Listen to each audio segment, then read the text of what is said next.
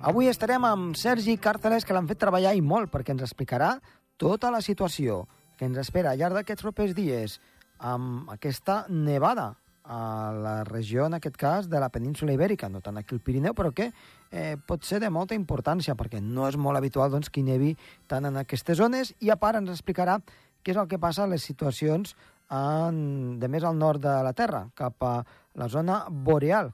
Ens explicarà una mica el dia, la nit i les temperatures molt baixes que allí s'hi donen. Som-hi!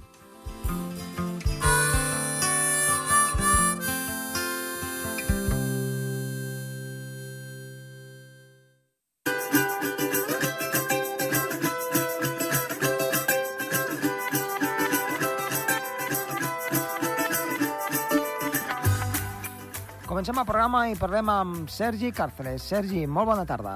Bona tarda. Eh, esperem que els Reis hagin sigut bons amb tu i Sí, sí. que, doncs bé, sembla que porten regalets a la península Ibèrica en forma de nevades, fa dies que estaven anunciades, i els mapes, doncs ara, ara els anem a comentar una mica, no? Aquests mapes doncs, que van anunciant, eh, no tant al Pirineu, però sí a moltes zones on és poc habitual que hi nevi, que sembla doncs, que parlem una mica de la situació que s'ha anat donant tots aquests dies i com s'ha anat configurant aquesta situació doncs, que ara mateix hi ha a la península Ibèrica i a la Mediterrània Occidental. Eh, què ens en pots dir una mica? Com, com, com iniciem aquesta història del que ha anat passant? Aviam, en veritat, podríem resumir aquesta història en què ha hagut incertesa fins a l'últim moment, perquè eh, ja preveiem que hi hauria una nevada de magnituds bastant elevades a la península Ibèrica, però, clar, al final, quan els models t'indiquen que hi haurà una nevada d'aquestes dimensions, no li acabes de donar tota la credibilitat que s'hauria i a part hem de ser molt prudents, perquè al final, eh, si avisem de que pot haver una nevada històrica i, i després no passa res d'això, doncs eh, es diria no, que ens cau el moc. I la a veure, és que per, perquè els nostres... seguint- Perdona, eh? perquè els nostres oients ho tinguin clar, no estem parlant d'Andorra, que doncs, eh, també doncs, al llarg d'aquests dies hi haurà moviment meteorològic, evidentment, però aquí la notícia una miqueta que se surt fora de lloc és a, fora del Pirineu, diguem-ne, no? en zones doncs, no, on no és tan habitual de que hi hagi neu. Doncs sí, anem a aclarar-ho. Sobretot mm. eh, estem parlant del centre, a l'interior de la península Ibèrica, zones com eh, Castella-La Manxa, fins i tot també la comunitat de, de Madrid, Extremadura, també a la zona de València, neu, fins i tot. Es parlava de neu que podria caure a algunes regions de Múrcia, Aragó... Bé, estem parlant de tota, de tota la zona de l'interior de la península Ibèrica que, com dèiem, eh, aquests models doncs, indicaven que hi hauria una nevada generalitzada Uh -huh. a tota Espanya, a excepció de la costa. Ja sabem que la costa sempre costa molt més de que puguin haver nevades. La cota zero és molt difícil a aquestes eh, latituds, però sí que se parlaven de nevades a cota 200, cota 300, en alguns punts cota 500, i bé, de moment doncs, els models, eh, doncs, eh, mica en mica, van encertant, ja van havent les primeres nevades a l'interior, es comencen ja a acumular els primers eh, flocs, també precipitacions que hi ha, sobretot a la zona de Cádiz, també de Màlaga, zona al sud d'Andalusia, que és per on entra la borrasca, i anem a explicar una mica Uh -huh. doncs, com ha succeït eh, això. Exacte, la I seva és que gènesis. portem- Després farà el Sí. que voldrà, una mica, la pertorbació, no? Però aquí hi ha barreges d'aires, eh, freds, càlids, humits, eh, freds i secs, i això és una mica doncs, el que anem a explicar, no tant on hagi de caure la nevada, perquè eh, començava, anava començant al llarg d'avui dijous, continuaria divendres i dissabte i fins i tot diumenge, però nosaltres el que volem més que saber si ha nevat tant o, o, o de quina manera és una mica la gènesi de- d'aquesta situació que es pot donar a la Mediterrània, no? Més del lloc on pugui caure. Doncs Digue'ns. sí. Doncs mira, tot això va començar ja fa uns dies amb una massa d'aire freda, polar, Uh -huh. eh, doncs que venia provinent del centre d'Europa, eh, el típic efecte nevera que hem parlat alguns cops, ja portava molt de temps fraguant-se doncs, una baixada de temperatures, no només en superfície, sinó també a 5.500 eh, metres, doncs una baixada de temperatures molt acusada, i el jet stream o corrents d'aire que estan a altes, bueno, a grans altures de la troposfera, doncs van empènyer fa bastants dies doncs, aquesta llengua d'aire fred que es va instal·lar a Andorra, al sud de França, a la península ibèrica i diríem en general a quasi tota centre Europa. Un aire que s'ha quedat mantingut, atrapat en aquella zona, i és que per la zona de les illes eh, britàniques i per al nord d'Europa eh, es va instal·lar un anticicló que feia doncs, que eh, tota aquesta massa d'aire no es pogués moure gaire. Sobretot la superfície es va quedar freda. Hem tingut eh, bastants dies on les temperatures arribaven a sota zero, sobretot a, a casa nostra doncs veiem no, que les nits eren eh, molt fredes, amb alguna temperatura un pèl positiva pels, pels dies, però clar, aquesta permanència d'aire fred doncs, fa doncs, que l'ambient es refredi cada cop més. L'efecte nevera, que normal, normalment passa a latituds elevades, que després parlarem, doncs aquest cop ha passat a la península ibèrica i a latituds eh, més baixes. Les precipitacions no van ser abundants eh, en cap cas fins ara.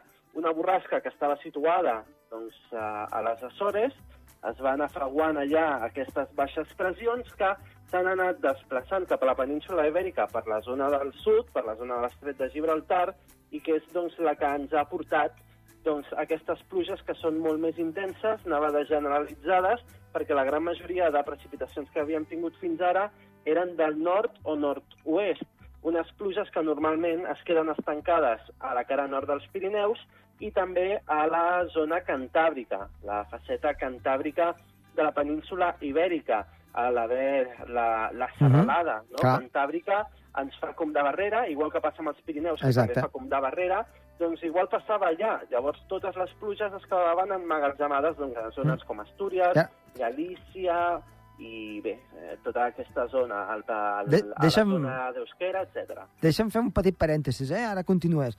Clar, eh, pensem que la serrada cantàbrica no passa dels 2.500 metres, més estirar eh, en certs punts, eh? però normalment té una alçada mitjana d'entre els 1.500 i 2.000 metres, aproximadament. Si això ho tinguéssim com als Pirineus, amb més de 3.000 metres, clar, les nevades allí serien al·lucinants, eh? Perquè acumularien tot, tota la humitat del, del Cantàbric. O sigui, ja no deixarien passar res. Doncs sí. Que no tinguéssim un desert a l'altre costat, fins i tot, eh? De, de, de, de tan elevades les muntanyes. Sí, però igualment ja ho podem veure també. Castella i Lleó sí, sí, no deixa de ser una zona molt més seca que, per exemple, Astúries o, o Cantàbria. I és tot això doncs, per aquesta acumulació de precipitacions uh -huh. que hi ha a, a aquella zona i després al rebuf, no? doncs allà no hi ha, no hi ha gaires eh, precipitacions. Però què passa? Que ara les pluges han vingut del sud, de mhm. l'altra banda, una zona on no hi ha eh, grans serralades que puguin fer de barreres i llavors més tranquil·lament es poden endinsar cap a dins de la península ibèrica, que juntem doncs, aquestes precipitacions, que no és que siguin gaire fortes, no parlem de pluges torrencials ni de grans tempestes, estem parlant d'una pluja estratiforme, és a dir, una pluja que és moderada però constant. Què mm -hmm. passa?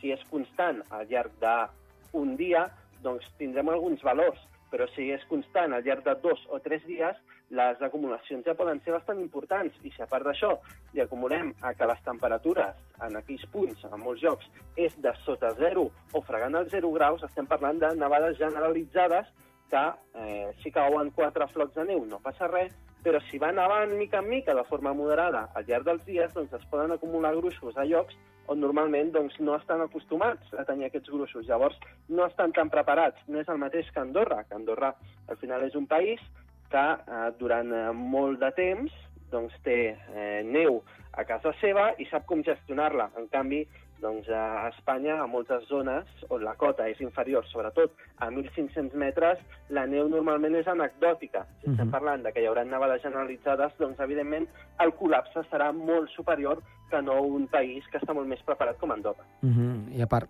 hem, hem de comptar sobretot la serrada ibèrica, on els gruixos que posen al llarg d'aquests propers dies és, és bastant important i ja estem parlant doncs, de zones de més de 500 metres en amunt eh, sobretot cap als 1.000 metres d'alçada, els gruixos són molt importants a tota la serrada ibèrica i Port de Tortosa Beseit, mm, tota aquesta àrea, déu nhi eh, el que es poden emportar de... Sí. Inclús, inclús a, en algun mapa havíem vist eh, nevades a, fins a Lleida mateix, eh?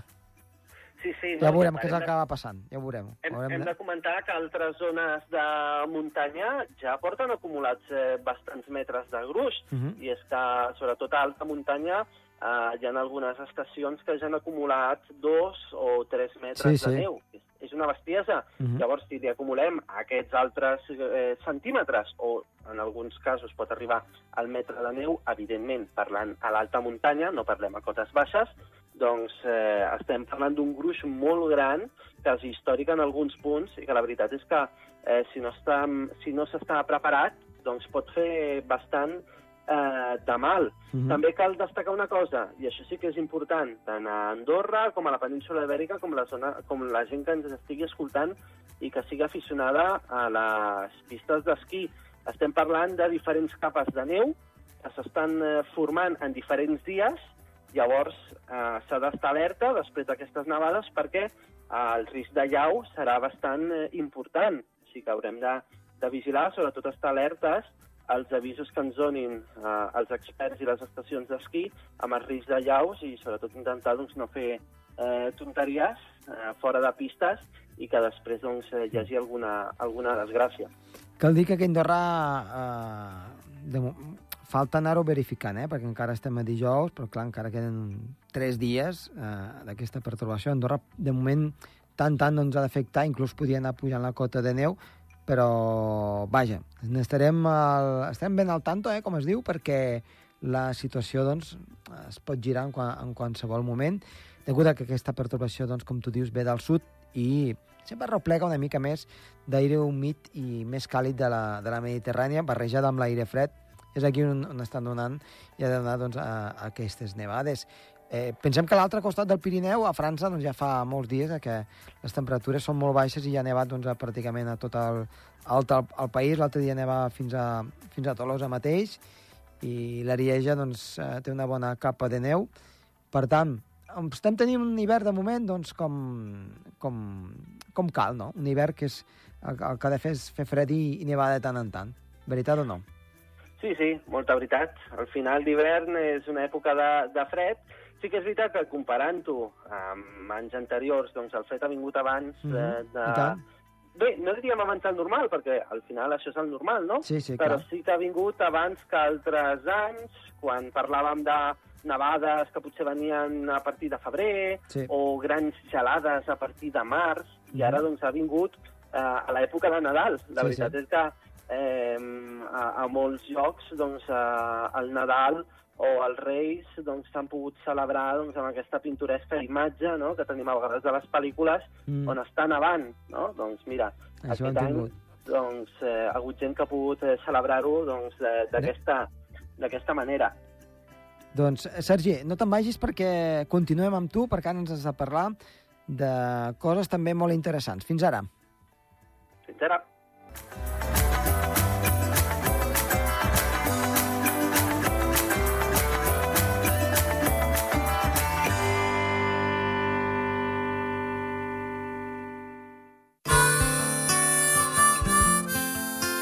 El Torb, amb Josep Tomàs.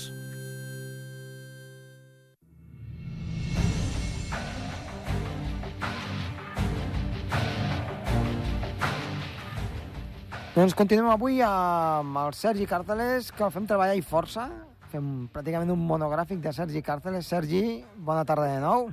Bona tarda.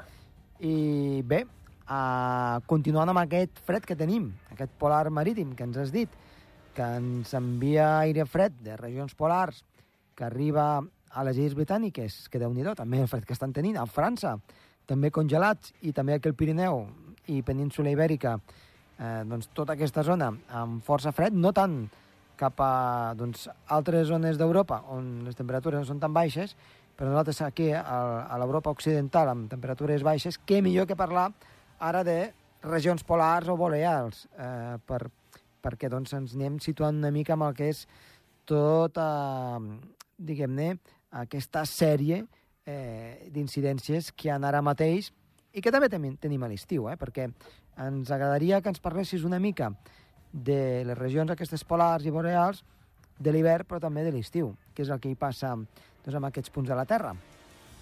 Doncs mira, parlarem d'aquestes eh, regions eh, polars que, per resumir una mica, engloben sobretot eh, les latituds que són superiors als 60 graus eh, de latitud eh, nord. Mm -hmm. Estem parlant sobretot de l'hemisferi nord, una zona on doncs, el fred és el protagonista quasi a tota l'època de l'any, no només el fred, sinó també o eh, l'accés de llum solar o, sobretot, també podríem dir eh, l'escassetat de llum solar a les èpoques de l'hivern. Llavors, per una Mhm. mica aquesta zona tan curiosa on realment s'arriben a valors eh, de fred molt extrems i que molts de nosaltres quasi ens semblaria impossible poder evitar en aquelles zones. Però sí, hi ha alguns pobles, que comentarem ara, on eh, doncs sembla que un dia que estiguin a 20 graus sota zero sigui un dia càlid. Un dia càlid, eh? Imagina't, eh? Sí, sí, sí, sí, sí, sí. Mira, anem a resumir una mica, sobretot, aquestes zones, no?, que estan superiors als 60 graus de latitud nord, són països com, per exemple, eh, Islàndia, Groenlàndia, Noruega, Suècia, o també Finlàndia, i què més no, que també el rei de l'hivern a la zona europea, que és Rússia, Mhm. una, bueno, un territori que és eh, el, el país més gran del món, diríem, i que la gran majoria del seu territori està inhabitat, i no és principalment perquè sigui tan gran que no hi càpiga la gent, sinó que les eh, condicions són tan extremes que és molt difícil eh, viure-hi, en Mhm. zones on fa realment molt, molt, molt de fred. Mm -hmm. El ser una latitud tan elevada també té un gran efecte no només en la temperatura, sinó també en la llum solar. Estem parlant de zones on eh, a l'estiu, segons la latitud on estiguis, el sol mai es pon. Poden ser les 4 de la nit que el sol segueix present, evidentment, a una altura molt baixa, quasi, quasi ja a punt de desaparèixer, però mai acaba de desaparèixer. Això és a causa doncs, que la Terra eh, vulguem o no, no està de forma, eh, diguem, eh, perpendicular al Sol, està una mica torçada, 23 graus, eh, concretament eh, girada, torçada cap a un costat. Això fa doncs, que en el solstici d'estiu Mhm. el Sol sigui present en tot moment en, en aquell país, però també a l'estar torçat fa que en el solstici d'hivern Mhm. no es vegi la llum del sol en cap moment del dia, segons Imagina't. alguns dies del dia. No parlem tampoc dels tres mesos d'hivern, eh? Sí, sí. però sí que parlem de, de bastants dies on... Per- En, Per, per això hauríem d'estar just al, al Pol Nord, no? Uh, geogràfic, eh? Llavors eh, sí que no veuríem el sol amb aquests tres correcte, mesos. Correcte, Eh? Sí, sí, sí. I, i realment, doncs, eh, és, un, és un fenomen que és increïble, però podem imaginar no? que les, les poblacions que estan vivint més cap al nord Uh -huh. doncs potser veuen el sol a l'hivern durant uns minuts, com a molt, alguna horeta, però la gran majoria del temps veuen la nit, això sí, estem parlant de l'hivern, eh? A l'estiu, Sí, sí, sí. doncs, eh, fins i tot diríem que es cansen de veure tant el sol, perquè fins i tot a la nit doncs, tenen el sol present a les eh, seves eh, vides. Eh, ens podríem preguntar, bé, i, i realment hi ha poblacions que viuen en aquelles zones? Doncs sí. Per exemple, hi ha un poblat, que és el poblat de Oymyakon, Uh -huh. és una zona que està situada a l'est de Sibèria i que, eh, doncs, eh, fa poc, fa uns anyets, estem parlant eh, concretament del 2017, doncs van arribar a un rècord, i és eh, la temperatura més baixa enregistrada mai en un municipi, en una població de la Terra Uh -huh. i estem parlant de 71 graus eh, sota zero. Es van registrar eh, al gener. Disculpa, perdona, no va ser el gener. Sí, va ser el gener i eh, doncs, eh, aquesta temperatura tan extrema, estem parlant de 71 graus de, de temperatura sota zero, eh, fixa't si feia fred, que fins i tot es congelava la benzina dels cotxes. És a dir, el combustible que es fan servir pels vehicles estava completament inutilitzat. I és que el combustible dels cotxes eh, o de tots els vehicles en si es congela a partir de 45 graus eh, sota zero, per al que no només estaven completament aïllats, sinó que tampoc es podien desplaçar ni fer servir, evidentment, la benzina per eh, escalfar-se. Uh -huh. Tot cal dir que aquesta població està completament adaptada a viure a temperatures eh, tan eh, baixes La veritat és que doncs, la seva resistència al fred és increïble i és eh, una zona on viuen poc més de 450 habitants. Evidentment, estem parlant de grans ciutats perquè realment és una zona molt difícil de viure. Jo crec que si allà no has viscut tota la vida, mm, no, no crec que vagis allà a, a, A viure, no? a viure-hi. Sí, sí. Però bé, és el que diem, eh? estem parlant d'una zona molt freda, però no és la més freda que s'han registrat eh, mai. Eh, a zones de l'Antàrtida, aquí ja estem parlant de l'hemisferi sud, Sí. en aquest cas, però també estem parlant d'una regió, eh, no direm polar, però sí de latituds molt elevades, però parlant de l'hemisferi eh, sud. A la, va ser a l'Antàrtida, concretament a la, base, a la base de Vostok, el 1983, on es van registrar els 89 graus sota zero. Unes condicions realment molt difícils de, de poder viure. Estem Mm, parlant bé. de que qualsevol líquid es queda congelat a l'instant. Sí, fins i tot el CO2, eh? I, i d'altres eh, gasos es poden arribar a liquar. Em, és temperatura, diguem-ne, de Mart, eh? Una sí, mica... Sí, sí, sí. Sí, sí, sí, sí. Una mica- la diferència només que hi ha oxigen, no? Sí, És exacte. l'única diferència que, que diríem que hi ha. I, evidentment, molta aigua. Sí, És que però, al final- clar, amb 89 graus sota zero pots respirar? És, No ha de fer molt de mal. Ha Jo- de fer molt, molt, molt, jo molt que de mal. s'ha- has de respirar a través de filtres, no? Perquè si no te poden congelar els pulmons automàticament o en pocs segons, eh? Doncs sí. Mm, doncs Pràcticament sí. És més, hi ha fotografies de gent que viu a latituds uh, tan uh, altes Mhm. on es veuen que les pestanyes estan completament congelades, Ah, clar, la sí, barba sí. també pot estar completament Un congelada. clàssic, no?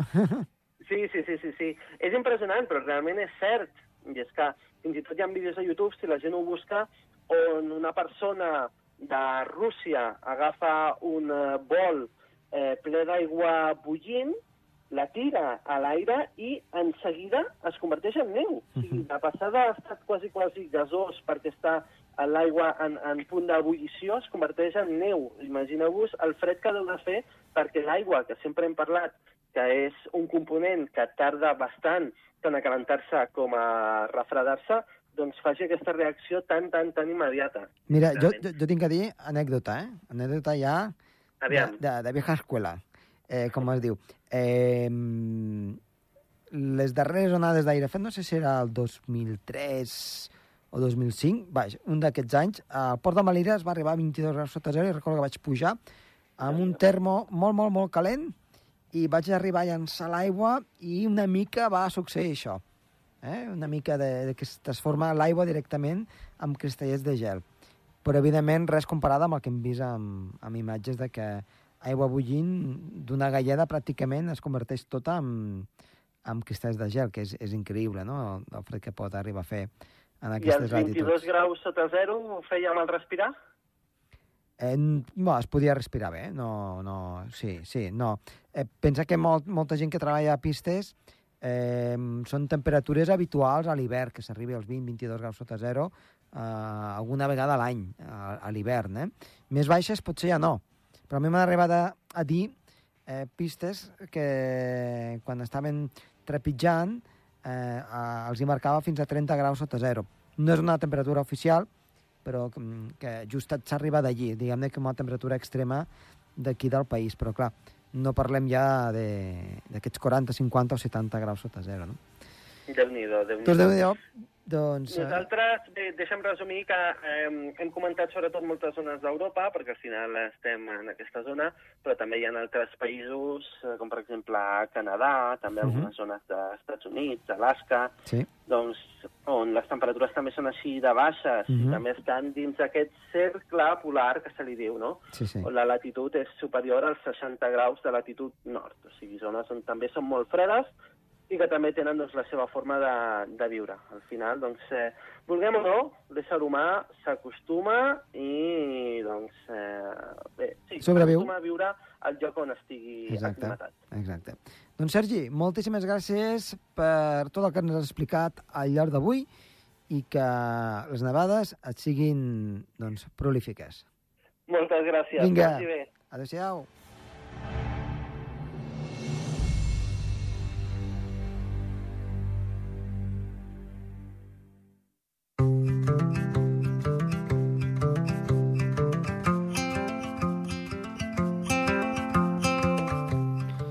Fins aquí el programa d'avui. Esperem que ens doni el temps moltes alegries al llarg d'aquests propers dies i que passin una bona setmana. Està de les vies de so, Toni Escur, i que els ha parlat amb molt de gust Josep Tomàs. Adéu-siau.